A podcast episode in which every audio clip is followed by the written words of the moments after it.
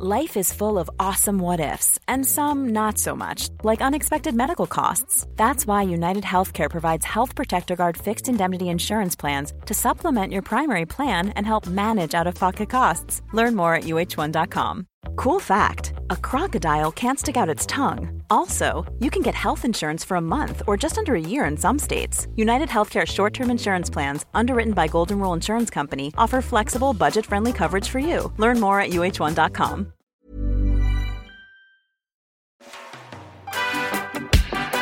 Hej och välkommen att vänta på katastrofen. Ytterligare ett avsnitt med Kalle Zackari och Patrik Sellman. Patrik, hej! Hej Kalle! Är du redo för dagen? Eh, ja, jag är nog redo. Vi får försöka. det är mycket nu vet du, det är ju maj. Ja. Berätta, vad gör du? Vad jag gör? Jag eh, kör upp eh, land med min eh, nya jordfräs. Jättetraktor. 740. Så- Ja, precis. En med kraftuttag som jag har köpt inför eh, mitt åldrande nu när jag fortfarande arbetar för fullt och ehm, så att jag ska ha lite dieselhjälp, maskinhjälp när jag blir äldre och kunna hålla igång utan, ja, när krafterna avtar. Man har ju sett en tendens fram till nu i alla fall att de gör ju det även om man tränar och sådär va. Ja. Funkar det bra eller? Ja, det gör det. Eh, när man slutar brottas med den. Och det Okej. kommer jag ju ihåg ifrån den här vanliga enkla, ja mer kultivatorjordfräsen. Du vet en sån där du köper för 5, 6, 7 tusen. I början man slet med den här maskinen vet du. Och den for. Och nu när man liksom har lärt sig att förstå sig på den, då kan du gå bredvid och hålla ena handtaget med ena handen liksom. Är det sant? Är det så man ska göra alltså? Alltså när du lär dig det. Du måste lära dig att slappna av med maskinen, Kalle. Jag mig att din den där nya traktorn, eh, som ju då är som en blandning mellan en traktor och en jordfräs, alltså en tvåhjulig traktor är det kan man säga. Mm. Eh, den kan man väl inte riktigt brottas med, den är väl för kraftfull. Så då får man väl lära sig det av sig själv. Ja, jo, men eh, du vet, du, du har ju sett mig. Du ser ju hur stor och stark jag är. Jag kan ju brottas med en gud, sån. Ja. och du? Du som marklyfter, vad är det? Du mark 270 kilo? Ja, 265 har jag tagit. Ja, ja. Snart 270. Ja. Eh, nej, men så är det. Det går allt att brottas med de där också. Det är ju en medvetet vald eh, maskin faktiskt, just i och med att eh, otroligt bränslesnål i förhållande till vad du får ut för arbete. Om du tänker sådana här gamla små traktorer. Mm. De är ju jättebra för du kan köra på väg och flytta och köra stora vagnar och sånt där. Men om du tittar på den här möjligheten att göra en uthållig grej med be- be- begränsade mängder diesel och sådär. Den drar oerhört lite diesel. Va? För att det är ju egentligen två hjul, en motor och en eh, väldigt eh, proffsig transmission, alltså växellåda och, och uttag. Det finns ingen onödig vikt på den där överhuvudtaget. Va? Inga, inga stora ramar, ingenting, utan det är ju växellådor och sånt som håller ihop det hela. Och då går det åt mycket mindre energi att köra den va. Just det. Så är det. Nej, Ja. sen håller jag ju på och tillverkar kupor som ska iväg. Just det, bikupor. Jajamensan. Och eh, vi kan väl säga så här att det är ju en väldigt tur att våren är så sen i år så man inte ligger efter så mycket. ja. ja, men nu är faktiskt våren här ju. Idag, idag är det näst, närmare 20 grader hos mig. Ja, det har, gången. Har stigit nu ganska fort faktiskt där. Ja, det är ju säsong för biodling. Försommaren är ju binas stora Hultsfredsfestival varje år. Där de samlas i flockar på säljar som blommar och ja, massa annat som du kommer berätta om nu Patrik. Eh, eh, ska, ska vi ta Sa han, med sa han med bävan i rösten. Jag är lite nervös för det här avsnittet, det är jag. Eh, jag har försökt eh, radera grejer på hårddisken så jag ska ha mycket plats. Eh, för Ja. jag tror att det här kommer att gå i långbänk. Men eh, ska vi ta det från början? Eh, eh, berätta om bin. ja, berätta om bin. Bin är ju en av de framgångsrikaste arterna på den här planeten. De har hajar har, eller? Ja, sköldpaddor, alligatorer, krokodiler och några till så va. Alltså mm, du kan ju ta de små encelliga varelserna som finns också. De har ju också funnits väldigt länge. Men om vi tar bin så har ju de funnits i minst 30 miljoner år. Det är jävligt länge. Det finns, ja det finns eh, fossil som man har hittat som kryper uppåt 100 miljoner år då. Men då vet man inte om det är de här samhällsbyggarna eller om det är eh, bin, solitärbin då som bor ensamma. Ska vi ta den skillnaden med en gång kanske? Ja, det kan vi göra. Eh, alltså vi har i Sverige idag cirka 200 solitära biarter. Och eh, samhällsbyggarna, där fanns det ett en art förut då. Eh, och det var det nordiska bit, det vi kallar för det nordiska bit då. Det är det som har funnits här i det nordligaste utbredningsområdet då. Apis mellifiera mellifiera kallas det och det har funnits i eh, Nordeuropa, Storbritannien och ner på kontinenterna. I Frankrike hade man det också och ända till Alperna. Det var Alperna som var skillnaden söderut. Mm. Och söder därom då fanns eh, ett gult bi, det italienska biet. Apis millifera. Lite mer temperamentsfullt och ligustika. tycker familjen är viktig. ja, men familjen har varit viktig i i För princip alla, alla tider. alla, alla, kulturer och arter i princip. Men eh, det är ett bi som man tog hit faktiskt eh, första halvan av förra seklet. Då. Eh, och som är en eh, framgångsrik art där nere. Och hur ser det ut i Italien då? Jo, där är det ju så här att där får du en högsommartorka. Mm. Och är det torka, då får du ju ingen nektar. Och det där ja. råkar vi ju ut för även i Sverige. Det är mer än en biodlare som har lurat sig på att det är så vackert väder och solen skiner så mycket och det är så varmt och blommorna bara står där i full blom. Och så svälter bina ihjäl i princip. Va? Du, pratar du med mig nu? Alltså, du kan säga det rakt till mitt ansikte istället Patrik.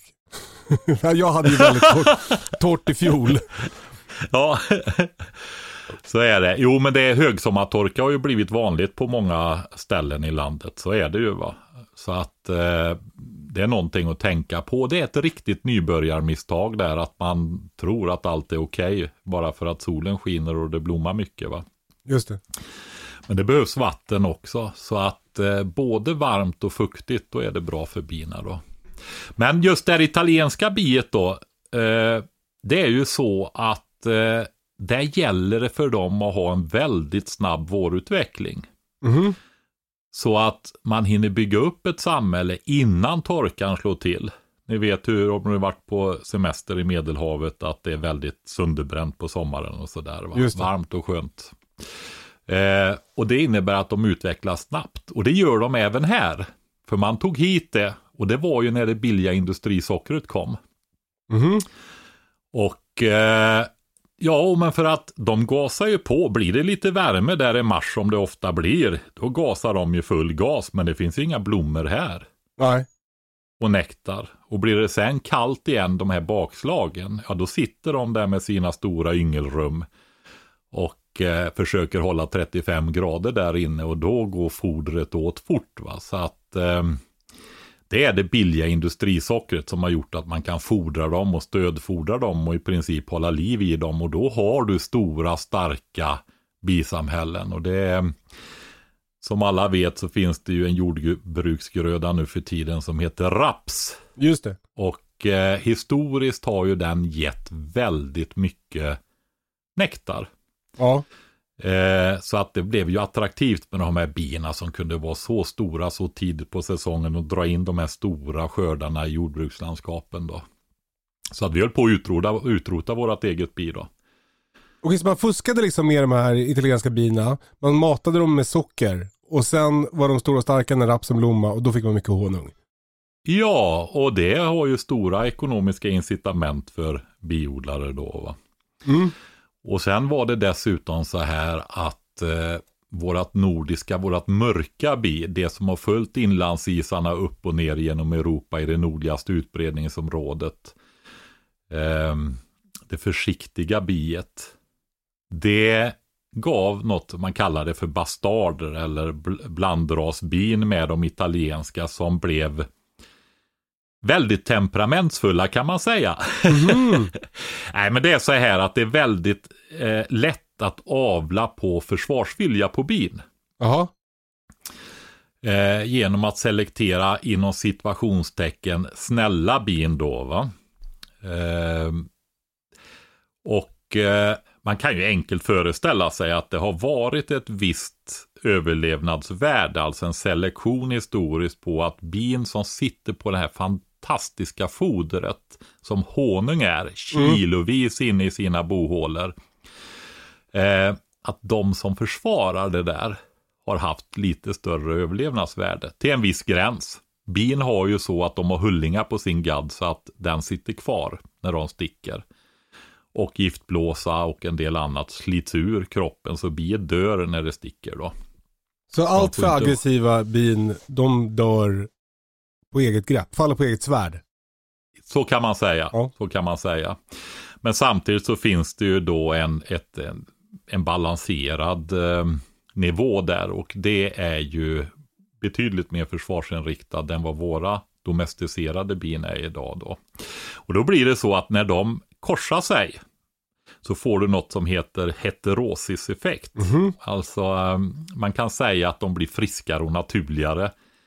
Eh, det använder man ju i husdjursavel och sånt också. Det är för att få större genetisk spridning helt enkelt. Blandrashundar till exempel i första generationerna tenderar ju ofta att vara väldigt psykiskt friska och eh, fysiskt friska och så. Låt oss inte gå in i blandrashundsträsket för då kommer vi bli nermejlade av arga eh, eh, kennelmänniskor. Jaha, du varit förföljd på området Kalle. Där, du ställer dig till det hela tiden. Är det inte hundägare så är det veterinärförbund och Jag hade jag doppat tån i den, eh, den iskalla sjön och det vill jag inte göra om kan jag säga. Nej, okej. Okay. Eh, spelar ju egentligen ingen roll. Jag fick ett brev inom... från jag fick ett brev från Länsstyrelsen i, i, som låg i brevlådan eh, nu och eh, jag har blivit anmäld igen. Eh, och då, var det, eh, då bifogade de anmälan. Det var ett mail från en kvinna eh, och hon skrev, eh, hon öppnade brevet med, jag kan, jag, jag kan verkligen ingenting om får, men jag tycker att deras får ser undernärt ut. Det, det, tycker jag var starkt. Och då, då blir det liksom en anmälan som jag sen måste, jag, jag får liksom ett läskigt brev från Länsstyrelsen. Det lades ju ner naturligtvis. För det, men, men det är bara så kul att, att inte veta någonting om får men ändå tänka att det, att det är liksom på, ens eget, på hennes ansvar att rädda våra får. Jo men det är ju så, är du i det, alltså det finns ju människor av alla de sorter och går man in och blir en offentlig person så exponerar man ju sig för dem. Ja. Så är det. Men skit i det. Eh, tillbaka ja. till bina. Eh, eh, bin är bra ur beredskapssynpunkt, eller hur? De är bra ur väldigt, väldigt många aspekter. De är ju bra på att pollinera stora mängder med blommor av samma sort till exempel. Va? Eh, vi har ju massvis med pollinatörer. Jag har, eh, I min trädgård så satsar jag ju väldigt mycket på örter och fruktbär och ja, inte bara bärbuskar utan buskar överhuvudtaget som blommar och ger mycket nektar och pollen och sånt. Och även eh, träd. Mest fruktträd då, men det finns annat också som ger mycket. Ja. Och det är ju för att få ett rikt insektsliv i trädgården. Många, ofta när jag möter folk som är intresserade av bin så, så tänker de att de ska odla i trädgården för bina. Mm. Men det är ju så här med biologisk mångfald då, det som skapar stabilitet i ekosystem, i biotoper då. Det är ju artrikedom va. Och eh, det som utmärker de flesta pollinatörer och de som går till blommorna för att få energi i form av nektar och sånt som är allt. Det är inte bara bin av olika sorter utan det är ju steklar och blomflugor och skalbaggar och väldigt många insekter. Då. Våra bin, de är blomtrogna som man säger. Vad betyder det? Och det är ju så att, ja det betyder att på morgon, de är, när man lär känna våra bisamhällen då, de samhällsbyggande bina som inte är solitärbin. Jag sa ju att vi hade 200 solitärbin. Mm. Och det är ju bin som bor en och en. Mm. Eh, Man kan se dem i sandslänter eller som jag kan se dem i min dörrkarm där jag skruvade fast salningen från utsidan och aldrig pluggade igen hålen. Jaha. Det ser ut som något barn har varit och pillat lera och gjort de där hålen, men det är det inte ser du, utan det är murarbin. Mhm. Så det bor ett bi i de här djupa borrhålen då. Jag fick ju försänka rejält varför djupa väggar då eh, för svalningen där. Så det är som små hål där runt då. Och där bor murarbin och de stänger till med lite lera och så. Hålen sen på vintern och bor där, ligger där inne. Så är det. Men tillbaka, de samhällsbyggande bina då, de kan ju alltså bli, ja, 40-50 upp till 100 000 bin när de är som mest mitt i sommaren. Alltså i ju- en kupa. Ja. Eller det är de samhälle oftast- säger vi som är proffs ju. Ja, precis i ett samhälle. För de behöver ju inte bo i en kupa, de bor ju i ett hålrum. Det är Mm. ju det vi försöker efterlikna med våra kupor och samtidigt så försöker vi få det så att vi kan skörda, skörda honung och sköta om dem och så vidare då. Ha en viss kontroll, att vi kan odla bina. Eh, Men i naturen så bor de ju i hålrum och det kan vara i klippskrevor men det vanligaste i våran del av världen är ju faktiskt hålträd. Mm. Alltså där det har blivit röta inne i trän, där det har varit hackspettar och andra djur som har bott innan då. De vill ju inte ha så stora hålrum som vi har i våra bikuper, utan när vi odlar bina så försöker vi ju få samhällen att bli stora så att de orkar dra in mycket honung, ett stort överskott så att vi kan skörda det då. Va? I naturen så kanske de bor 40, 50, 60 liter i hålrummen. Och ännu mindre. Jag har alltså sett ett bisamhälle som flyttade in i snedsträvan i, jag hade dräneringshålet på en vägbom. Jaha. Du vet den här snedsträvan som hjälper till att hålla uppe bommen Mm. då va? Mm. Den, är, den är ofta klenare diameter på den till och med. Men då förstår man också att det är brist på bostäder vilt i våra natur idag åt bina när de flyttar in i snedsträvan på en vägbom. Va? Ja, ja. Så är det. Tillbaka till bina där då och eh, våra hål. Vi manipulerar ju upp dem i storlek och det eh, för att kunna få ett stort överskott. Ju större de är, ju fler bin klarar de av att ha ut och hämta resurser.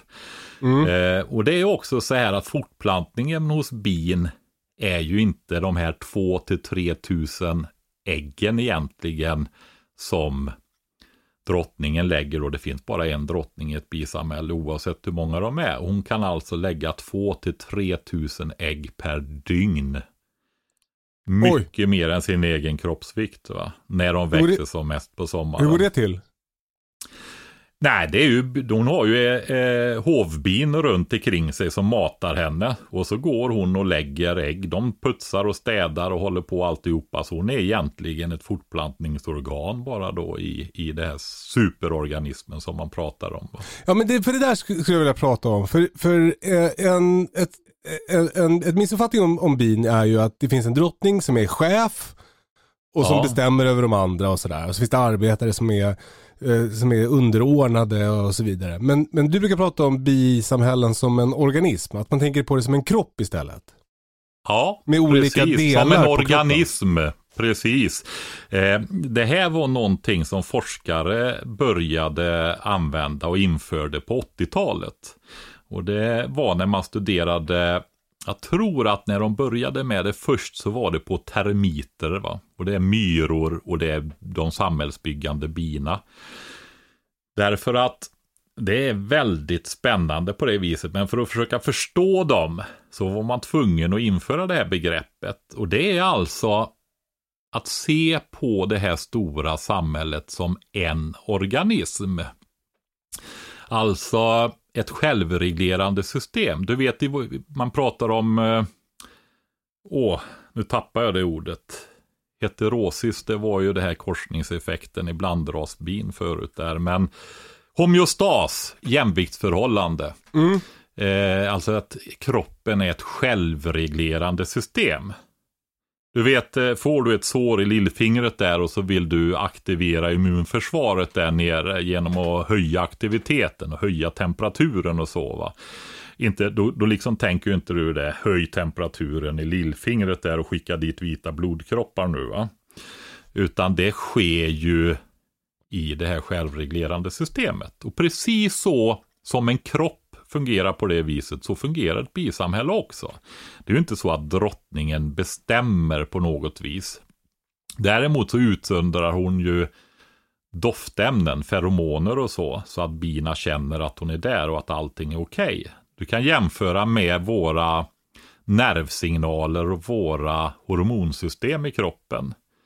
I bisamhället så är det istället luktämnen, doftämnen, feromoner kallas det som är reglerande och vibrationer faktiskt. Det är inte nervsignaler utan vibrationer. Och eh, det kan man, alltså hur information utbyts då inne i bisamhället. Det sker genom doftämnen och eh, vibrationer i kakorna faktiskt. Och hur går det där till nu då? De, de, eh, ett exempel på det där med vibrationer är att de, de skickar ut spejarbin för att hitta ställen där det är mycket blommor. Mm. Och då kommer de tillbaka. Precis. Eh, alltså när man lär känna bina så inser man ganska fort hur otroliga de är på att optimera utifrån givna förutsättningar, alltså med en anpassningsförmåga. Va? Och eh, lärande kan du se också. Och du kan också se att de är individer därför att eh, när det blir problem så löser de det olika smart. Så olika bisamhällen har olika, skulle man kunna använda ordet intelligens då eller smarthet. Mm. faktiskt. Jag har, en, jag har en eh, berättelse om det sen som jag kan ta en egen erfarenhet. Då.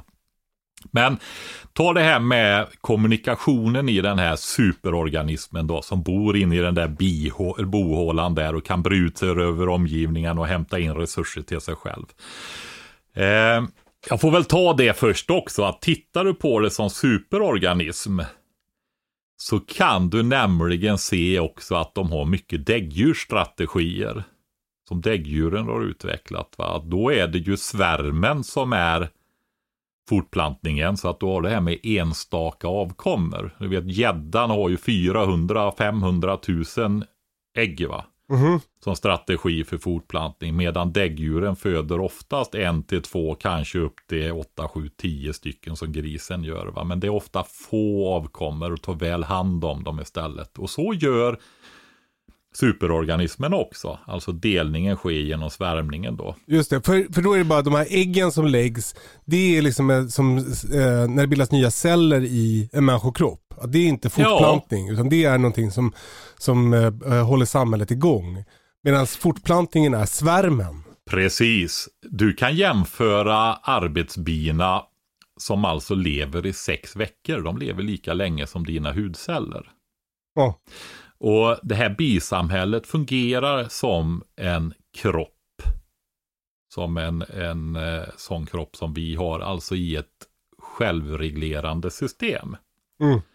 Och med jämvikt och så vidare som kallas för homeostas då, alltså temperaturer och sånt. Och det intressanta med bisamhället också, det är ju det, du har, de har ju faktiskt en kroppstemperatur som ett däggdjur mm. också. De ligger på 35 mm. till 40 grader. 40 grader har de när de bygger vaxkakorna.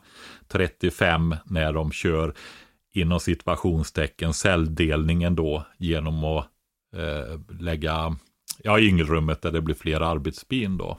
Mm. Och det, det är ju eh, också spännande. Men vi går tillbaka till det där med eh, Spejarbina.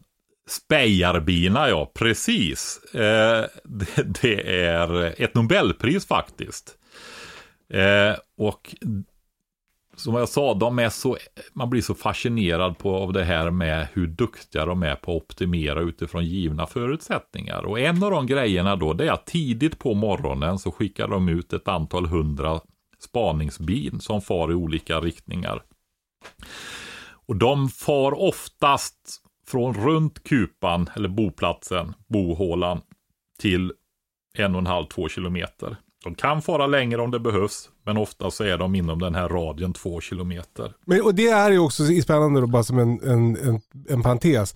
Men när man tänker att man säger, åh, åh vad härligt, nu har vi bin som ska pollinera våra växter i trädgården. Då flyger alltså två kilometer för att leta bra ställen. Så de, de kan... Ja, Alltså de här stora samhällena som vi odlar, alltså de är ju lite större än vilda samhällen. Alltså vilda samhällen kan bli stora också ifall de bosätter sig i en stor bohåla, ett stor mm. klipphåla eller ett jättestort hålträd eller någonting. Så fyll, de vill fylla ut det och bygger. Alltså stor vägbom.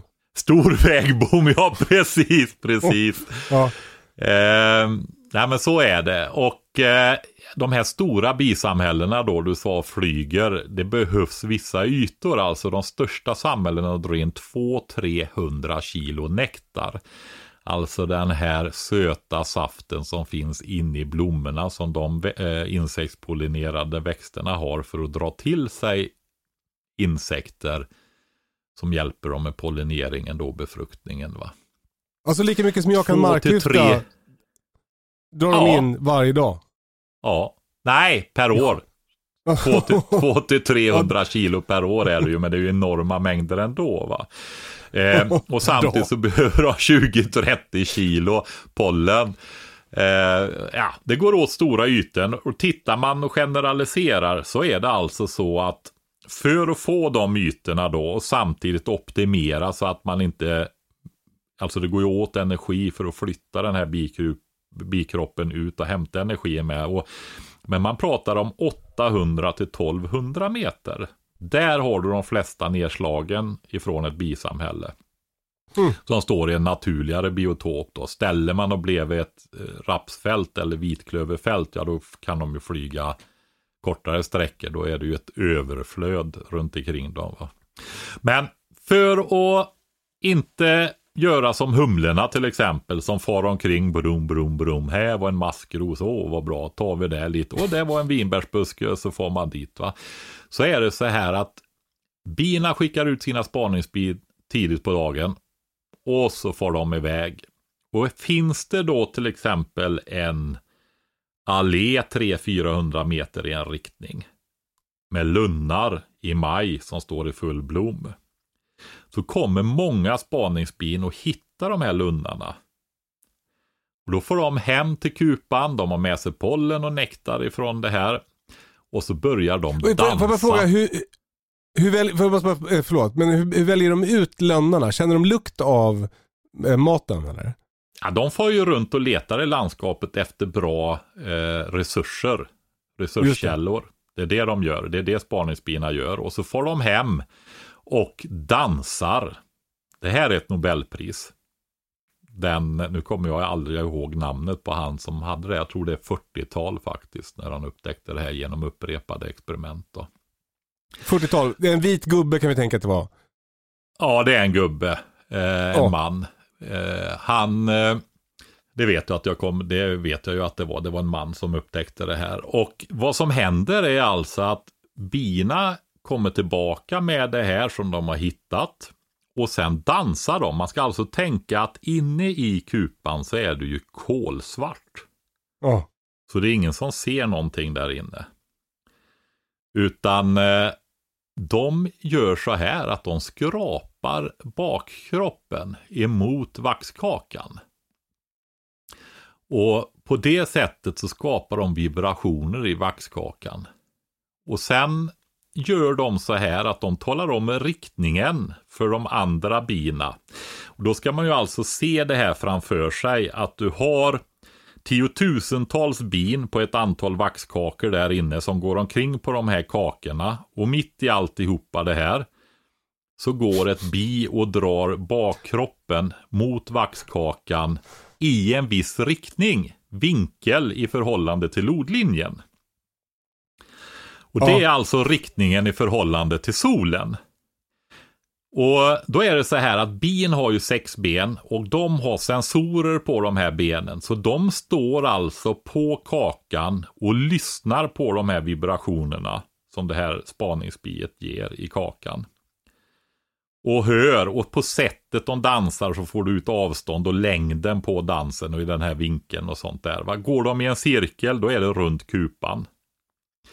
Och mitt i den här kakan, det kan vara flera stycken som dansar på kakan. Och då är det också så här att de här vaxkakorna som bina bygger, de är, består av ett par hundra olika ämnen och får olika egenskaper. Det är inte bara bivax då.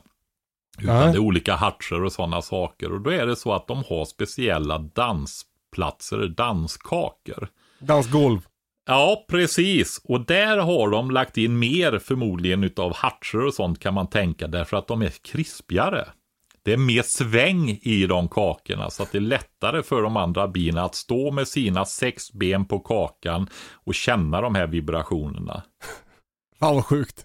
Ja, de kommunicerar alltså på det här viset och då gör det, får det ju effekten där då. Och är det många som har hittat de här lunnarna, vilket det är om det är ett stort drag, då är det ju många spaningsbin som står och dansar på det där sättet. Så då kommer en stor del av flygstyrkan då på många tiotusentals bin om det är ett stort samhälle och flyga exakt riktning, snabbaste vägen, kortaste vägen. De är alltså inte ute och letar utan då använder man optimera flygstyrkan för att få in så mycket resurser som möjligt. Så de flyger i den riktningen som de blivit ombedda, hämtar hem resurserna, packar in.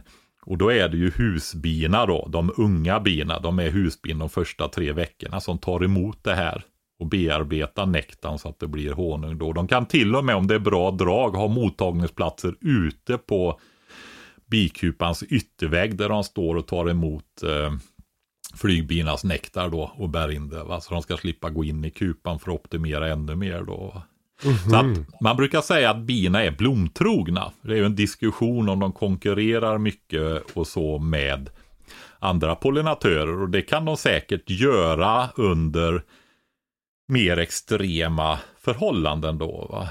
Men eh, eh, en grej som många, många tänker egen trädgård och det tycker jag man ska göra också. Jag som jag sa, jag odlar ju väldigt mycket för biologisk mångfald i min trädgård då för eh, vilda insekter väldigt mycket och så tänker jag medicin för mina egna bin. Mm. Alltså biologisk mångfald, många olika växter. Eh, men det jag skulle säga är så att många blir ju besvikna när de inte ser så mycket, har skaffat bin och så ser de inte så mycket bin i sin egen trädgård. Nej. Därför att spaningsbina har ju hittat stora resurser på andra ställen. Just det. Utan eh, de kan vara i trädgården och vissa, det kan ju vara några bin i blommande äppleträdet.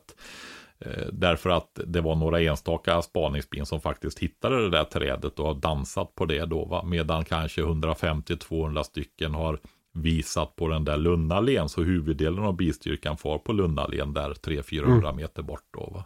Mm. Så är det. Eh, men den här dansen där, det är ju alltså, vad ska vi säga, vibrationer man kommunicerar med.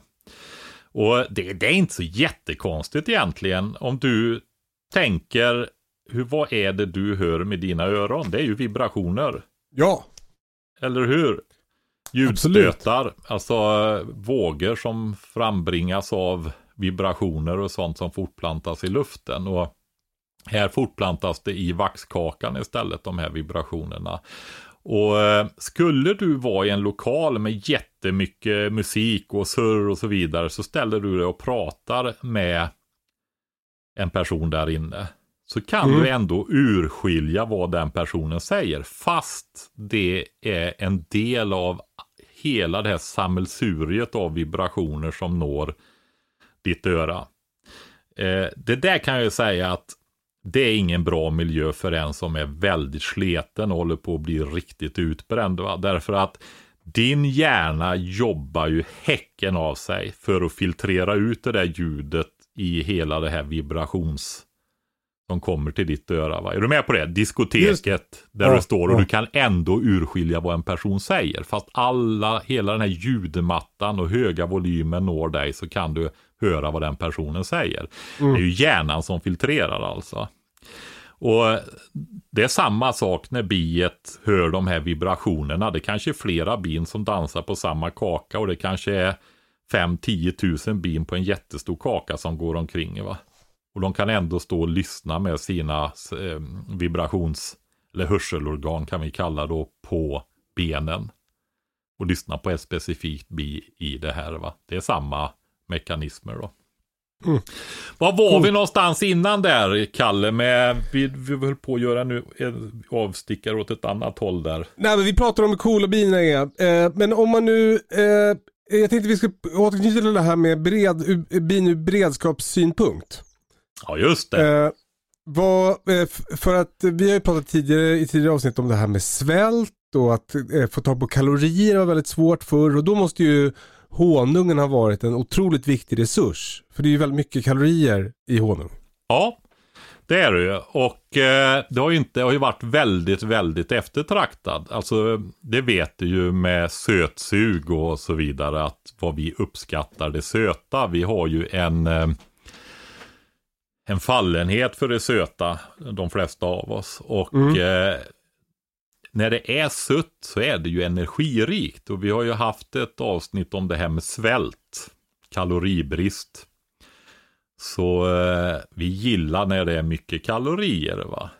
Och eh, man har ju fångat alltså samlat nektar, eller honung då ifrån samhällen mycket förr. Och det gör man ju i vissa delar fortfarande, framförallt varmare delar av världen då, där bina kan bo under grenar och sånt, där de inte behöver bohålan, utan det räcker med vaxet som skydd då.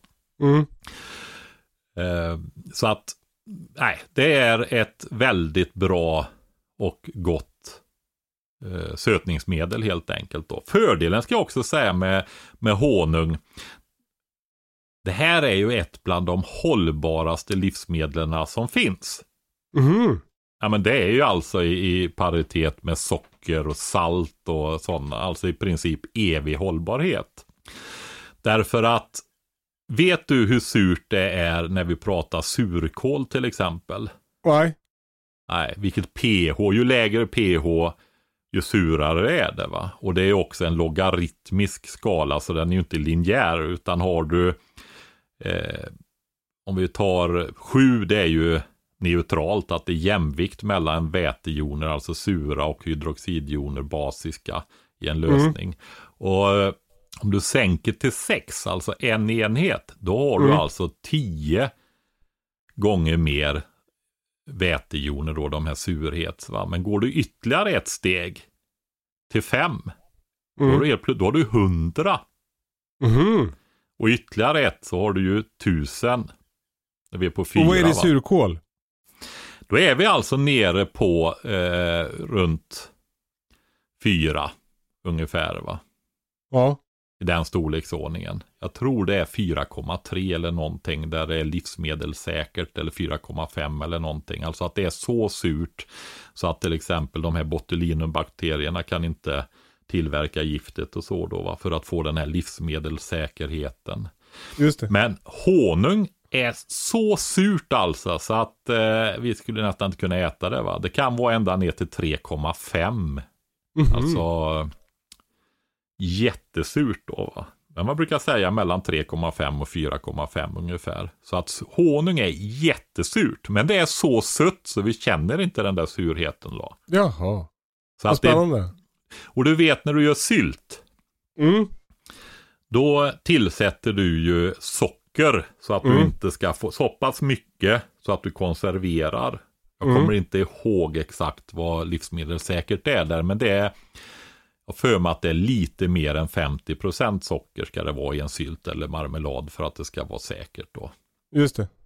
Och eh, i honung kan du ju då tänka i nektar om vi säger så, det här söta som bina samlar in i blommorna, där kan det vara 60-80% vatten. Så en del av processen är bina faktiskt bereder det här livsmedlet. För det är inte bara, eh, alltså det är en med enzymer och, och mjölksyrejäsningsprocesser och sådana saker. Så de tillverkar det här livsmedlet till sig själva som vi kallar för honung då, av mm. nektar. Det är 60-80% vatten i det och för att få detta stabilt så tar de ner det till under 20% vatten. Och det betyder ju att det är 80% socker. Så det är både... annat i alla fall. Ja, Ja, men det är i huvudsak socker. Det är, ja. är, spår av andra grejer. Det finns mineraler och det finns vitaminer och enzymer och olika saker. Men i huvudsak så är det socker. Ja. Och det är dessutom i huvudsak enkla sockerarter. Fruktos och glukos, då druvsocker och fruktsocker. Hi, this is Craig Robinson from Ways to Win, and support for this podcast comes from Invesco QQQ. Invesco QQQ is proud to sponsor this episode and even prouder to provide access to innovation for the last 25 years. Basketball has had innovations over the years, too. We're seeing the game played in new ways every day. Learn more at Invesco.com slash QQQ. Let's rethink possibility. Invesco Distributors, Inc. How would you like to look five years younger? In a clinical study, people that had volume added with Juvederm Voluma XC in the cheeks perceived themselves as looking five years younger at six months after treatment. Look younger, feel like you. Add volume for lift and contour in the cheeks with Juvederm Voluma XC. Reverse signs of aging by adding volume to smooth laugh lines with Juvederm Volure XC. For important safety information and to find a licensed specialist, visit juvederm.com. That's J U V E D E R M.com. Not for people with severe allergic reactions, allergies to lidocaine, or the proteins used in Juvederm. Common side effects include injection site redness, swelling, pain, tenderness, firmness, lumps, bumps, bruising, discoloration, or itching. There's a risk of unintentional injection into a blood vessel, which can cause vision abnormalities, blindness, stroke, temporary scabs, or scarring. Talk to a licensed specialist to find out if it's right for you. Hiring for your small business? If you're not looking for professionals on LinkedIn, you're looking in the wrong place. That's like looking for your car keys in a fish tank. LinkedIn helps you hire professionals you can't find anywhere else, even those who aren't actively searching for a new job but might be open to the perfect role. In a given month, over 70% of LinkedIn users don't even visit other leading job sites. So start looking in the right place. With LinkedIn, you can hire professionals like a professional. Post your free job on linkedin.com slash people today. Men, så du har både det att den är väldigt sur, och du har väldigt mycket högre sockerhalt än till exempel i jordgubbssylt. Och sen som jag sa så har de faktiskt torkat det också. Det är ju inte så här när du köper torkat kött att det är liksom en 0% vatten i det, utan ja, alltså det här tabellvärden, där har jag referenslitteratur, va? men 17, 18, 20% där kring så har du ett stabil eh, charkuteri, en, en eh, stabil koppa, en torkad ja, ja. karé till exempel på en gris. Va? Eh, någonstans där i den storleksordningen då. Så att det är både, honung är både torkat, det är jättesurt och det är jättesött. Det är trippelkonserverat så att det är liksom en av de hållbaraste livsmedlen vi känner till. Va? Så när min syrra sa häromdagen att hon hade honung som hade blivit dålig, då, då, då var det intressant. Alltså, det är så här att det ska ner under 20 procent och det ska man också göra för att det ska vara godkänd honung. Eh, och därför finns det en tumregel som man brukar ha som biodlare att man inte skördar honung som inte bina har täckt. Alltså det är ju massa celler på en kaka. Och när honungen är färdigberedd, alltså färdig i den här enzymatiska behandlingen så det blir enkla sockerarter. Man har fått ner vattenhalten, man har fått igång eller eh, sänkt pH med mjölksyrebakterier och mjölksyrejäst, sitt livsmedel och sådär då va. Så under 20% då lägger de ett vaxlock på och förseglar den här. Så att inte den ska kunna ta upp vatten och så ifrån luften. Honung har den egenheten nämligen att om den får stå i ett öppet kärl, nu kommer jag inte ihåg det ordet, men det är alltså förmågan att ta upp eh, luftfuktighet. Mm. Och det vet du kanske om du har socker som inte har eh, Oj då, vad mycket minnesgrejer. Alltså det finns ju så att inte det... Ja men du vet att du har fått klumpar i socker till exempel va. Mm. Det är ju ett antiklumpmedel i socker och även i salt. Mhm. Så inte det ska bli eh, klumpar då. Va? Men eh, hur som helst så är det ett väldigt, väldigt stabilt livsmedel. Men det som är intressant med det också, alltså enkla sockerarter. Och det talas om GI-systemet, det här hur insulinpåslag och sånt blir i kroppen. Ja, Det har det gjort. Och ja. då är det ju så att man brukar ha vitt mjöl eller vitt socker Mm. som ett index på 100. Och är det lägre, då tar det upp långsammare. Alltså du får mindre insulinpåslag. Det är ju sånt som man har man diabetes och så som man är intresserad av också.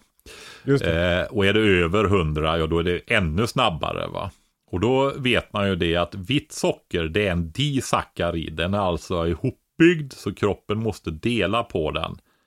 Kalle Matsmältningen. Di Zachari Wahlström. Ja, precis, precis. Så att den är ju, tar du då den delar ju upp, den består ju av en glukos och en fruktos, vanligt strösocker som sitter ihop. Och där ska den då delas på så att du får en druvsocker och en fruktsocker. Fruktsocker går dessutom till levern och, och delas, bryts ner där då. Va? Så, så det är långsamt. Men fast det är enkla sockerarter i honung, vad tror du att det är för GI? Värde på honung. Det är 90 procent. Ja, 90 90. av, ja, där vitt socker är 100. Det är, Mm. är, du tror att det är lite långsammare än vitt socker. Mm. Varför då? För att det är bättre, tänker långsamt är bättre och jag tänker att honung är lite bättre än vitt socker. Ja. ja, det är ju så. Har du hört talas om det här att om man vill eh, sänka det totala GI, då, glykemiska indexet, på en måltid så tar man en liten sallad som förrätt med vinägrett och så på. Och det är Ja. ju ättiksyra eller vinäger och ättiksyra va, som är surt. Och det påverkar upptagningsförmågan av socker så att det sänker snabbheten i upptaget. Mhm. Det är en bra start på en måltid om man har eh, ja, känningar utav eh, blodsocker och sådana där grejer. Och då som jag sa så är, och det beror på att det är surt då, vinägen där i den här vinägretten. Och som jag sa så är honung extremt surt. Hmm. Så honung har faktiskt index 70. Nu är det så att honung är ju inte en grej. Det är verkligen inte en grej. Honung tenderar till att vara väldigt sött som generell grej kan man säga. Men du har väldigt olika honung beroende på vilka växter, vilken nektar och vilken blandning och så det är på det. Va? Men eh, generellt så ligger det på 70. Så det är alltså för de som håller på med de här eh, olika dieterna som tar hänsyn till glykemiskt index. De får, när de har nått viktnedgångar och stabilisering av blodsocker och sånt där, så får de i mindre mängd faktiskt äta honung då. Mm. Så är det.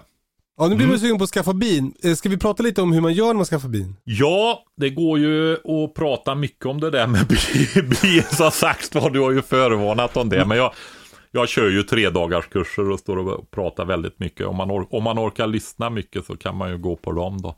Ja. Men bin, jag skulle vilja säga så här också när det gäller bin då. Att det är ju det husdjuret du kan skaffa som inte behöver daglig tillsyn. Du vet, skaffar du ett marsvin, en undulat och så vidare så är du ju skyldig att se till att du har daglig tillsyn på det. Mm. Ska du åka iväg på semester en vecka och inte kan ta med dig marsvinet till Maldiverna. Då måste du alltså fråga mormor eller grannen eller någon om de kan titta till ditt djur. Mm. Så är det ju. Men med Mm. bin behövs faktiskt inte det. Okej. Utan eh, det är ju till och med så här att under hela vinterhalvåret så eh, är ju bina i dvala. Och jag jämförde ju den här superorganismen med ett däggdjur. Och eh, det är ju så att de under sommaren har upp 35 och ända upp till 40 grader varmt i sin superorganismkropp då inne i bohålan där. Men på vintern så sätter de sig i ett klot och sänker aktiviteten. Och det är ju också ett sätt då att minska energibehovet. För då ska de ju klara sig på det här eh, förrådet av eh, kolhydrater som de har byggt upp i form av honung i vaxkakorna då. Va? Men inne i kärnan på det här klotet där drottningen finns så är det fortfarande Ja, det är också ett sånt där exakt väder. Vad är det? 24 eller 27 grader eller någonting sånt där inne i kärnan där drottningen är. För hon behöver lite högre temperatur. Men de yttre bina i det här klotet, de är ju alltså tjänsteförrättande isoleringsbi. Och skyddar klotet och isolerar klotet med sina kroppar. De gör inte åt mer än 5 watt där inne då. Så, eh, ja, det blev en utvikning. Det blir mycket utvikningar när jag får sätta igång kan man väl säga. Så är det. Eh. Men eh, skaffa bin då. Eh... ja men exakt, det var det jag undrade lite över. Hur gör man när man ska skaffa bin? Ja, jag var ju inne på det där med skötseln. Det var där vi var ja. Att det mm. inte går åt. Och på vintern kan du inte göra så mycket utan att se till att inte björnarna kommer att slå sönder kupan och äter upp honungen och döda bina och så vidare. Ja men det är faktiskt ett bekymmer där det finns mycket björn. Eh, uh, ja men de är ju där och du får efter kanske ha haft flera bisamhällen och skött dem under sommaren så har du invintrat dem. Så har du inte mycket att göra, du behöver inte bära ut vatten, du behöver inte ge dem massa mat när det är färdigt och du ser till att de har så de klarar sig över vintern då. Det gör du i augusti, september helst så är de ju där och du hinner bli jättesugen till de vaknar på våren igen. Så när man är lite mer rutinerad, då, alltså du lägger, det handlar om enstaka timmar om året per bisamhälle. Det är ju helt sjukt. Ja, det är, du, du har ju hunnit prova på det här lite. Det är inte mm. vansinnigt mycket, utan har du dem så du har tillsyn på dem, alltså att du går förbi samhället och ser flustret och kan svänga förbi och titta i inspektionsfönstret som du har en toppriskupa som det vi använder, jag och du. Så, så eh, behöver du inte vara så himla mycket i bisamhället då. Ja, men om man tänker bang for the buck som, som prepper. Då mm. är ju bin, eh, alltså arbetsinsats kontra kalorier, då är, då är ju bin riktigt, riktigt bra. Ja, när det är bra år så är det ju så är det väldigt torra år. Hur mycket var det du fick i fjol, Kalle? Eh, jag fick 20 kilo honung. Mm. Och då lämnar vi ändå mycket honung i kuporna va? Ja. Och du fick dessutom en svärm. Och det här var oh. alltså försommarhonungen där va? Hade du ja. kunnat optimera det där så att du inte hade fått en svärm? Man kan väl säga att du brast något i skötseln där va? Mm. Eh, för det är ju så att när bina delar på sig, ungefär en tredjedel av bistyrkan far iväg med den gamla drottningen och ska bilda ett nytt samhälle. Då tappar ju du mycket av kapaciteten att hämta in nektar och producera. Du tappar mycket av skörden. Så för yrkesbiodlare så är ju om bina svärmar, det är ett rejält slag mot lönsamheten kan vi säga då. Vad spännande, för jag tyckte att det verkade bra att de svärmade. För vi fick ett samhälle till. Ja, ja, ja. Det går ju på hobbynivå att göra det där. Om man har uppsikt över bina. Mm. Eh, Sen dog ju mina bin ändå i vintras ska jag säga. Eh, eh, ska jag erkänna, villigt erkänna. Eh, så, så jag fick ju noll samhällen till slut. Men, men eh, i svärm, när jag hade löst svärmen då, då kändes det ju toppen att de svärmade. Ja, och de utvecklades ju väldigt fint också. Vad var det, mm. du blev sen med invintringen va? Eh, ja men exakt. Alltså, eh, eh jag behandlade ju för varroakvalster. Ja. Eh, och sen eh, så när jag började eh, fodra, då var det som att de tog inte fodret. Då, då tänkte jag att de var kanske påverkade av den där behandlingen eller så. Och sen var jag mm. lite sen också. Men, men ja. de, de åt alldeles för lite. Mm. Det, det, är så här att det är bättre att invintra tidigt än sent. Mm. Och invintra mm. betyder ju att du fyller upp lagren. Eh, antingen att du har koll på bina, att du har bin som klarar av våra långa vintrar här uppe på honung och att det är den typ av honung som inte gör att de bajsar ner sig. Det är olika typer av honung, bland annat ljunghonung innehåller väldigt mycket ämnen som hamnar i tarmsystemet. Alltså eh, att de får utsot risken att de bajsar ner sig inne i kupan. är väldigt stor. okay. Ja, och det ofta leder till förödande konsekvenser för bina då. Va? Och det där har ju också med eh, raser att göra. Alltså vårat nordiska bi är ju selekterat här uppe i det nordligaste utbredningsområdet då. Det går ju att vika ut det också, men vissa år så blir det ju bara ljunghonung i bikuporna när det har varit kalla somrar och sådär. va. Och, eh, för det blir ingen nektar om det är för kallt heller. Det behövs värme, sol och regn. Ja. Så omväxlande väder då så att det finns fukt i backen. Alltså tänk när du har, för oss som bo, har, bor uppe i skogarna, va? tänk när det regnar på försommaren.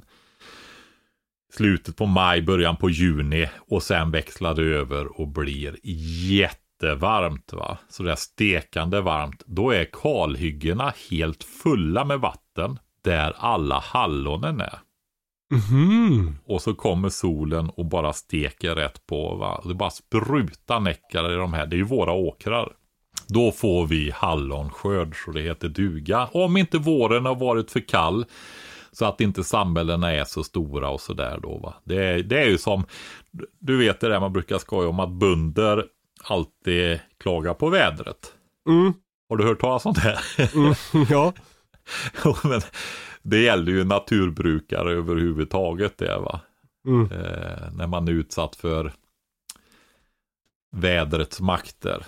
Men du, låt säga att man är sugen på att skaffa bin. Ja, Hur gör man då? ja men alltså man behöver, jag tycker att man ska skaffa sig en eh, utbildning, en kurs. Ja. Och eh, historiskt sett så har det ofta skett att man har en kunskapsöverföring med hjälp av en mentor. Jag själv har ju aldrig gått, jag har hållit på med bin sedan slutet på 70-talet. Alltså 78 eller 79 eh, börjar vi. Jag trodde det var 79 och min mamma och pappa säger att det är 78 och, och jag är, de är bättre på detaljer än vad jag är så det kanske är 78 vi började då, jag och min pappa.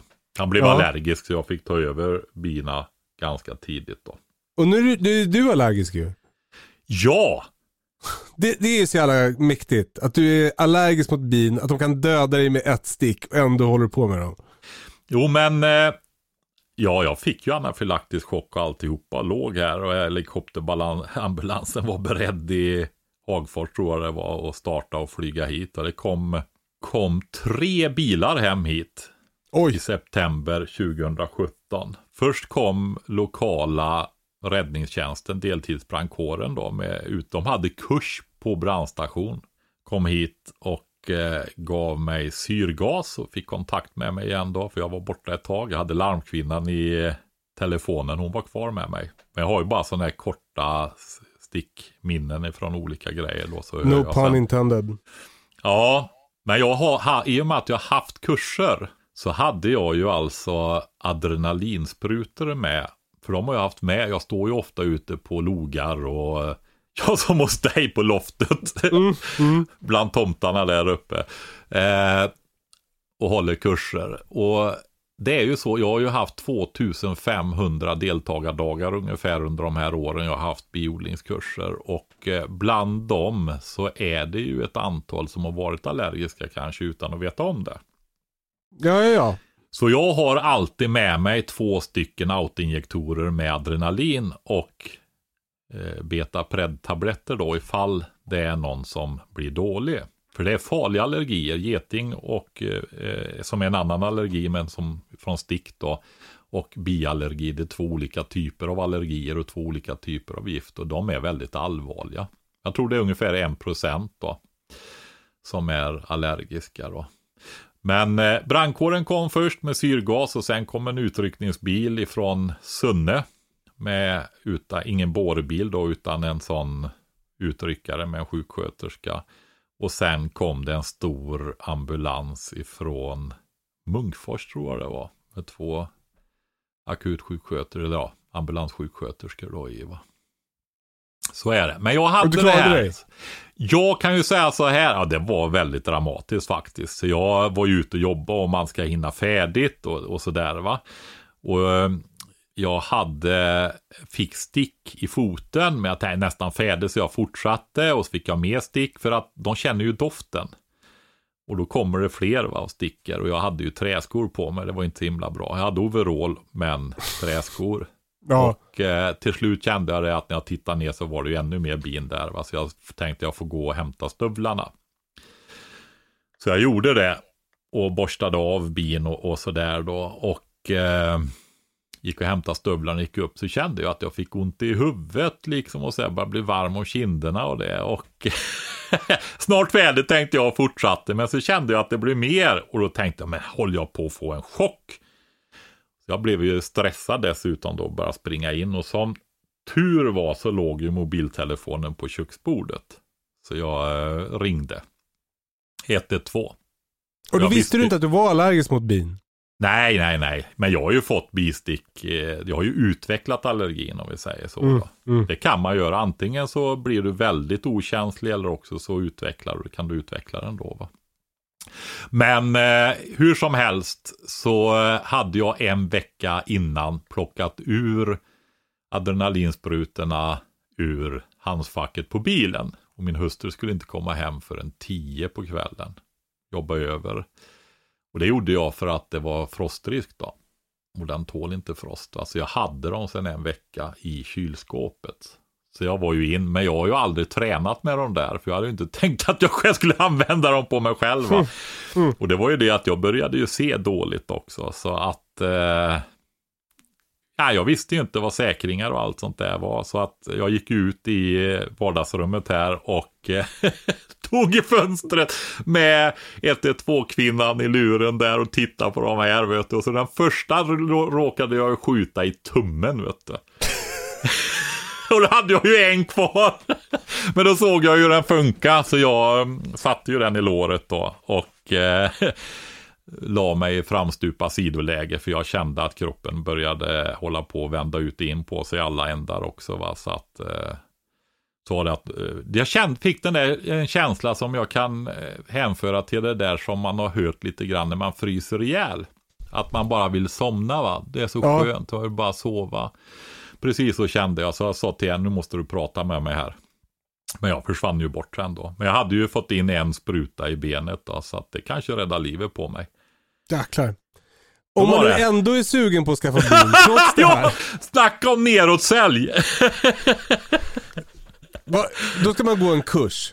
ja, precis. Och då har ju du kurser till exempel. Det kan man gå hos dig. Det är, det är ju toppen. Eh, Ja, jag har platser kvar i Västerhaninge och i Söderberke och i Hässleholm och de finns på min hemsida. Och nu är det så här att jag går ju ett hypersensibiliseringsprogram. Så eh, om man tycker att det skulle vara otäckt att åka på en kurs och se om jag dör eller inte.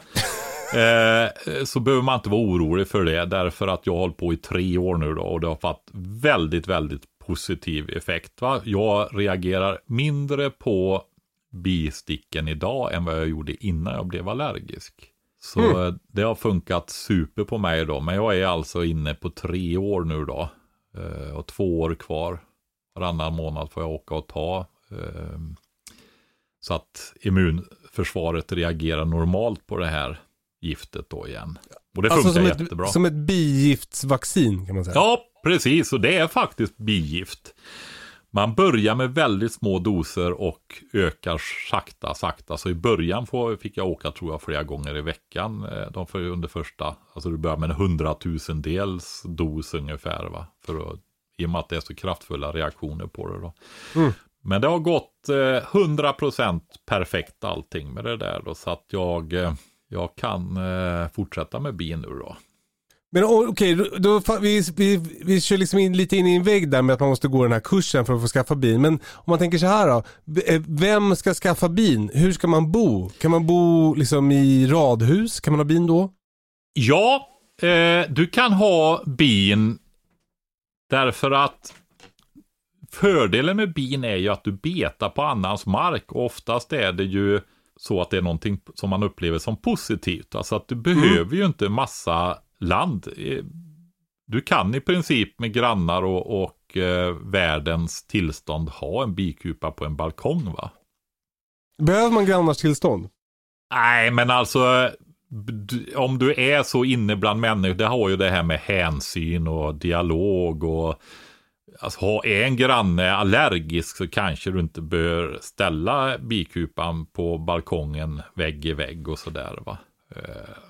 Det är ju normalt att man tar hänsyn till varandra. För är det så, jo men då kanske du kan höra med fastighetsägarna som har den här lilla skogsdungen en bit bort. Så kanske du kan ställa kupan där istället va. Mm. Det är ju alltid bra att komma överens om saker och ting.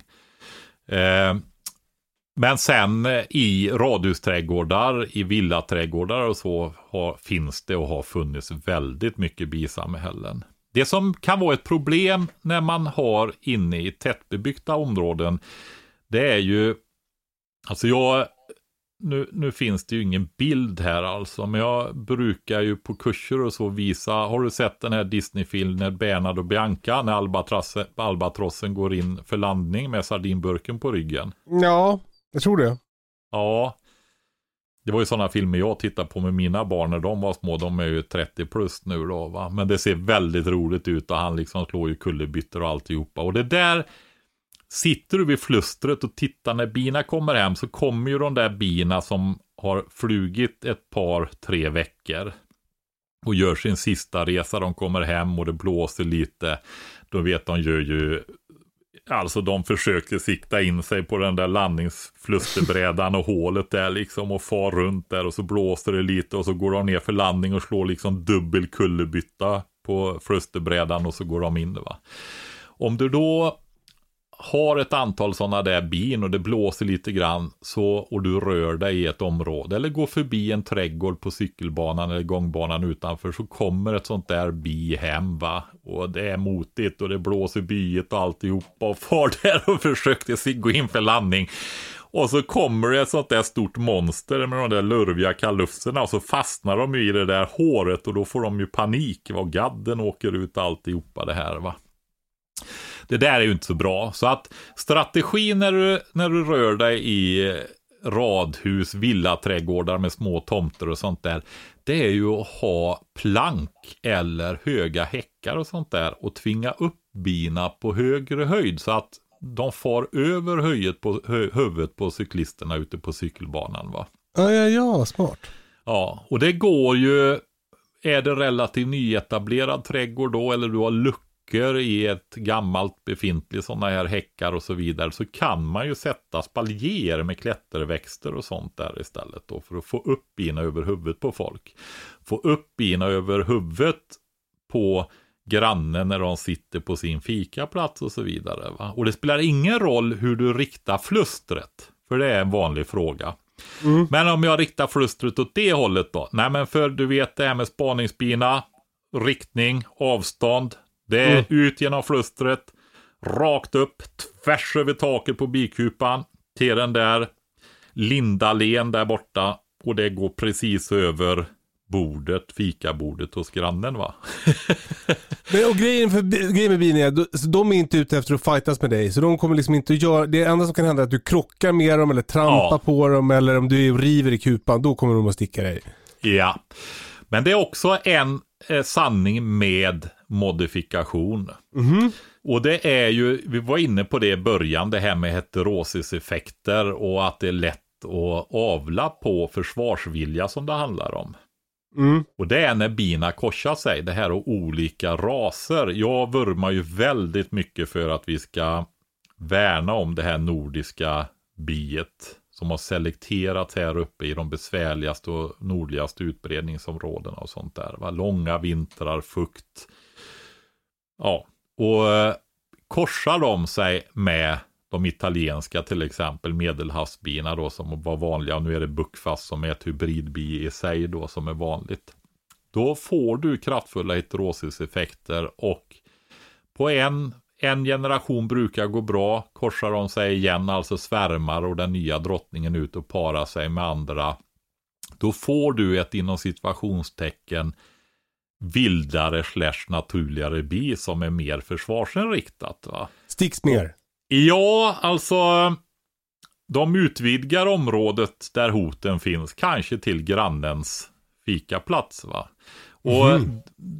det, du får se till att hålla ordning på dina bin om du är inne i tättbebyggda områden. Alltså ha koll på om de svärmar, var beredd att byta drottningar och sådana saker så du inte får de här effekterna. Va?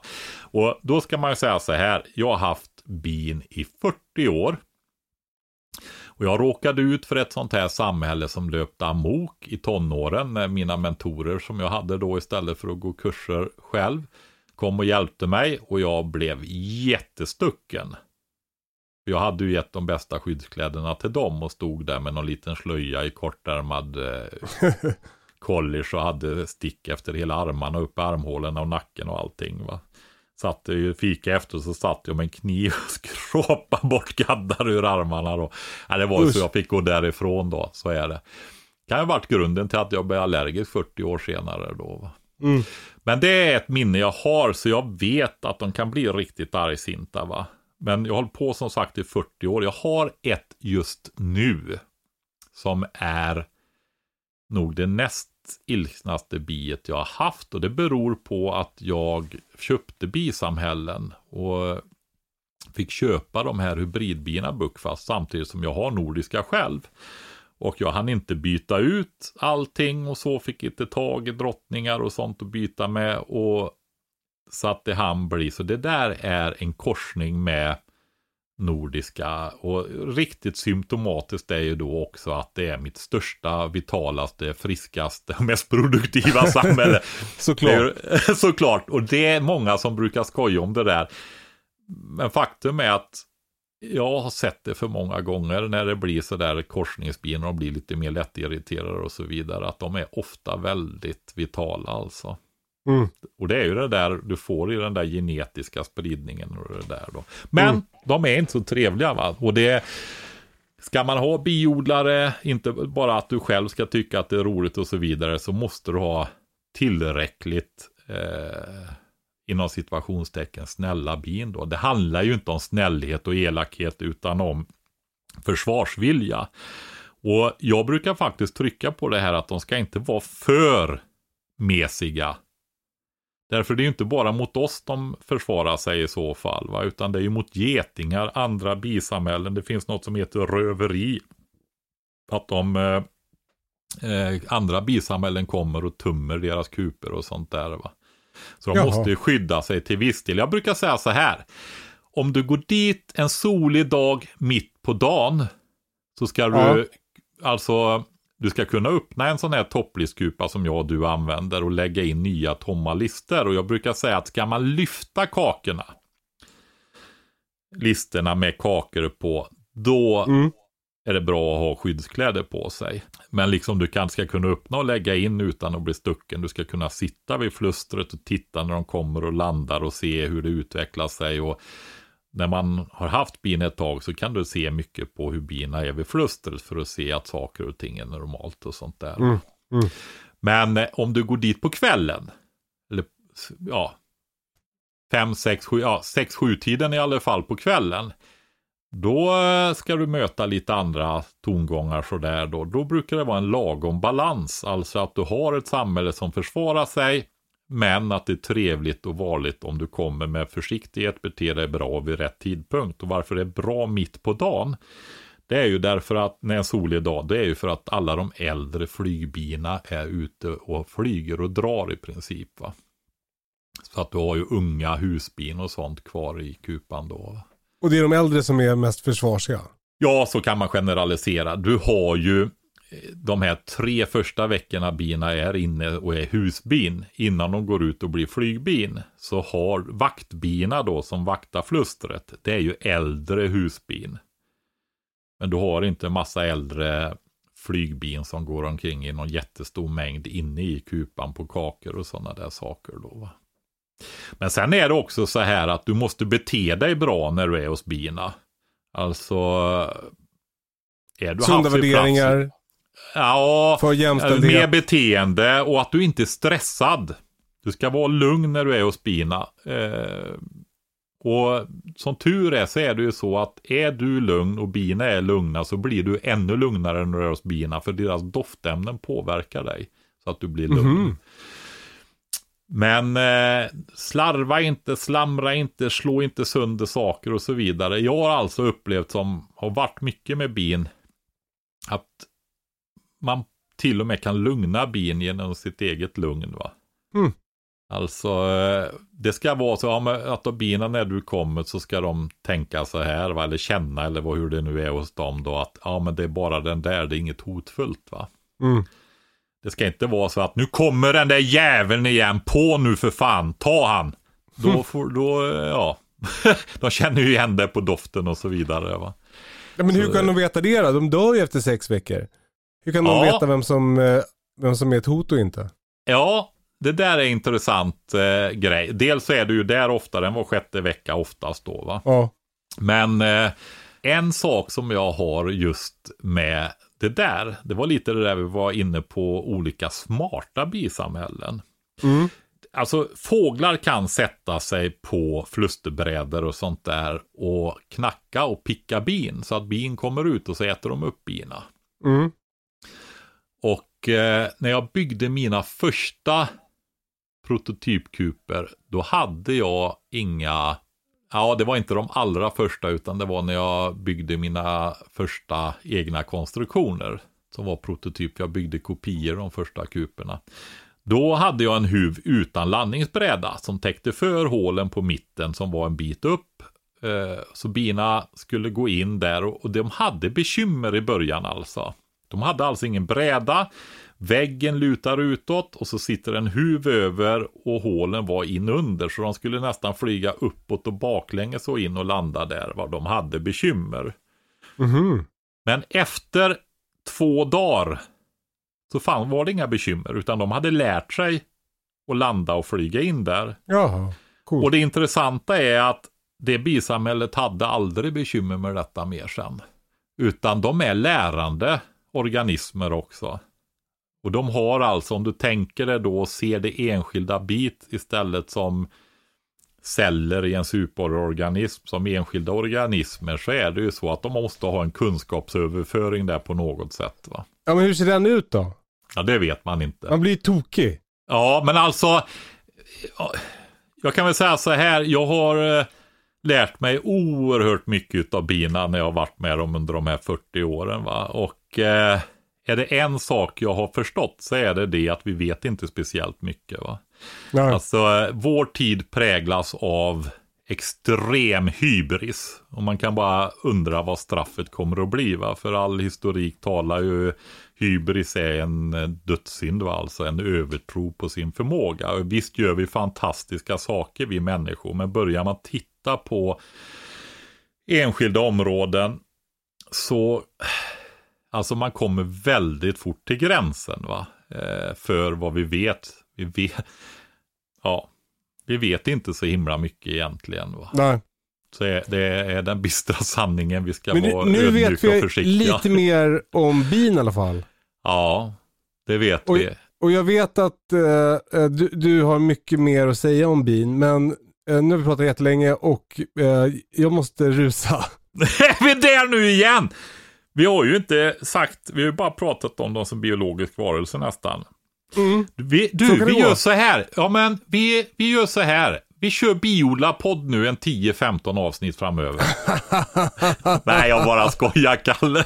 Jag bara ska skoja. Men eh, om man är sugen på att skaffa bin så kan man kontakta dig så kommer du att hjälpa en med det. Eh, och jag som har haft bin ett tag, jag tycker att det är superkul. Nu, nu dog ju mina tyvärr för att jag fuckade upp. Men nu har jag lärt mig av det och ska skaffa nya bin och bli en bättre biodlare. För att det är lyxigt att ha honung hemma. Eh, jag äter det mycket. Mm. Men sen är Eh. de trevliga att ha runt omkring sig också, eller hur? Ja, det är som lite tomt när de inte surrar. Ja. Ja. Jag gjorde ju så, vet du, att jag, eh, jag var ju, ja, väldigt sleten för 15-20 år sedan. Och hade 50 bisamhällen då, vanliga ramkuper och sålde dem. Var utan bin i två år och då hade jag ju haft bin i ett kvartssekel i princip. va. Mm. Och det var ju först då jag fattade vilken stor del de hade blivit av mitt liv. Ja. Alltså så, vilket tomrum. Det hade jag aldrig kunnat gissa innan jag upplevde det liksom. ja. Just det här, det fanns inga som kom ut där på våren. Så just det här, du vet vårlökar, krokusar, vårtecknen, Mm. snödroppar och de här som kommer, de här, när livet återvänder. Och det är fantastiskt. Men att ha bin när de börjar flyga på våren och de kommer ut och det surrar i träden och jag har daggvide så de har faktiskt flygit i mina träd fast det är så sent här uppe då i en månad nästan när det har varit varma dagar. Den där är, det är turbo på vårkänsla jämfört med vårlökar Ja. och sånt där alltså. Ja. Så Ja. är det. Okej Kalle, vi, eh, vi, skulle, ju- vi skulle ju ha haft det här med bilväskor och utrustning i bilar också, men det får vi ta en annan gång då. Nu hade vi, Vi bara två grejer. Vi hade bara två grejer idag och vi hann bara med en i alla fall. ja, så kan det gå. Ja. Eh, följ oss på Instagram i väntan på katastrofen. Eh, eh, Patrik heter smabruk.se på Instagram. Ja, Eh, men du, jag kom på, jag har en grej till. Jag måste Mhm. säga det, Kalle. Det, jag får passa på nu, jag kör ju mina kurser och sådana här grejer. Va? gärna. Du kommer ihåg att förra veckan så la vi ut en, jag sa det att vi kör en sån där småbrukarkurs och kommer igång med den typen av kurser i år. Jag och min hustru, hon hjälper till, det blir ju här hemma då va. Ja. Den är ju fullbokad nu. Är det sant? Gick det Ja. så snabbt? Ja. Tre Herregud. dagar så var de sju första platserna fullbokade och nu Herregud. Det är två på kö. Eh, jag funderar, nu har jag ju bikurser och sånt i sommar. Jag kommer ju att minska på bikurserna och på resandet för att det, det sliter. Det kostar för mycket helt enkelt. Det gör det. Det är Det är också bara en skitroligt. bisyssla. Ja, alltså jag får köra, kan köra någon bikurs här hemma vid och så förhoppningsvis få upp mina distans online-utbildningar och sånt där på bin. Men jag tycker det är fantastiskt roligt att ha kurser och sånt där. Och då tittar vi just på det här och det här är egentligen det jag velat göra från början. Sen blev intresset så himla stort av de här bikuporna och det här så att det blev bara det under en period. Min, min, min eh, blogg och min webbsida den heter ju småbruk.se. Ja, det. var ju det Ja. som var tanken men så blev det biodling istället. Men det är ju bara en liten del av allt jag gör. Va? Men jag pratar med min hustru så här och vi har fått förfrågningar från långväga, alltså Norrbotten, övre Norrland och så vidare om att ha en sammanhållen småbrukarkurs. Mhm. För nu är ju den naturliga tanken det är ju liksom att ha den utspridd lite över säsonger va. Och nu börjar vi med en fyra dagars då, den som är, och den har ju en dag i maj, en helg i juni och en dag i september med konservering, skörd och så vidare. Ja. Men det är ju jobbigt att åka ner flera gånger 120 mil från Norrbotten va.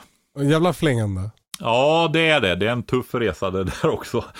Eh, och jag tänkte så här, ska vi köra en tre, fyra dagar här ner? Och min hustru sa att det där blir för mycket för dig. Du kan inte stå och undervisa fyra heldagar i sträck va. Nej. Du tar det två månader innan du blir folk igen va. Ja. Eh, för jag är bra sleten efter en helg också ska jag säga. Eh, det blir väldigt intensivt. Det är skitroligt men det blir intensivt. va. Eh, så jag funderar på om man ska göra så här att man kör antingen två dagar en helg intensivt, de är heldagar. Mm. Men då blir det en kortare helg. Eller om man ska göra så här att man kör halvdagar och sen får folk vara med här och jobba. Ja men det är klart det ska vara så. För då kan man köra, alltså tänker om man åker långt så känns det lite med två dagar. Ja men det är ju när man, det är när man jobbar som man lär sig. Det är därför man Också, har ja. kurs. Ja. Ja, precis va. Så att man kan göra lite intensivare genomgångar, någon lite kortare föreläsningar och så vidare och sen Det är så här du ska få igång din fiskodling Patrik. Den har jag lagt åt sidan. Det blir, får bli regnvattensamling istället. Det där med mina IBC-tankar som står här. Du, eh, jag tänker så här. Ja, vi har ju våran Instagram-konto i vantan på katastrofen. Ja. Eh, om eh, folk kunde, om jag ska göra ett inlägg där nu med någon bikupa och lite grejer eftersom vi har pratat bin idag, så kanske Ja. folk kunde skriva vad de tycker. Om det skulle vara bra att ha en fyra dagars men kanske köra föreläsningar, genomgångar, halvdagar och sen att man får pröva på olika saker. Eh, eh, Patrik, ska vi göra så att vi släpper iväg lyssnarna nu? Och så Ja. kan du och jag prata om vilka inlägg vi ska lägga ut på Instagram så att säga off, off cam. Okej. du Så får utbilda mig hur det här inte Vi hörs Kalle. igen om en vecka. Du kan hänga kvar Patrik. Hej då! Hej då.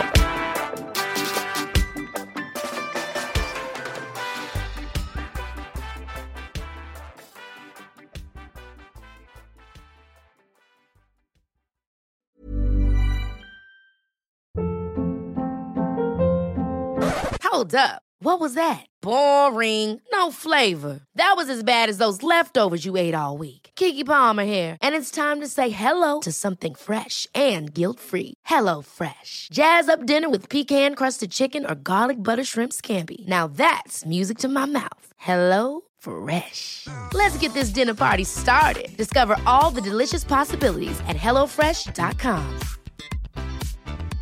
Hey, it's Paige DeSorbo from Giggly Squad. High quality fashion without the price tag. Say hello to Quince. I'm snagging high-end essentials like cozy cashmere sweaters, sleek leather jackets, fine jewelry, and so much more. With Quince being 50 to 80% less than similar brands. And they partner with factories that prioritize safe, ethical, and responsible manufacturing. I love that. Luxury quality within reach. Go to quince.com slash style to get free shipping and 365 day returns on your next order. Quince.com slash style.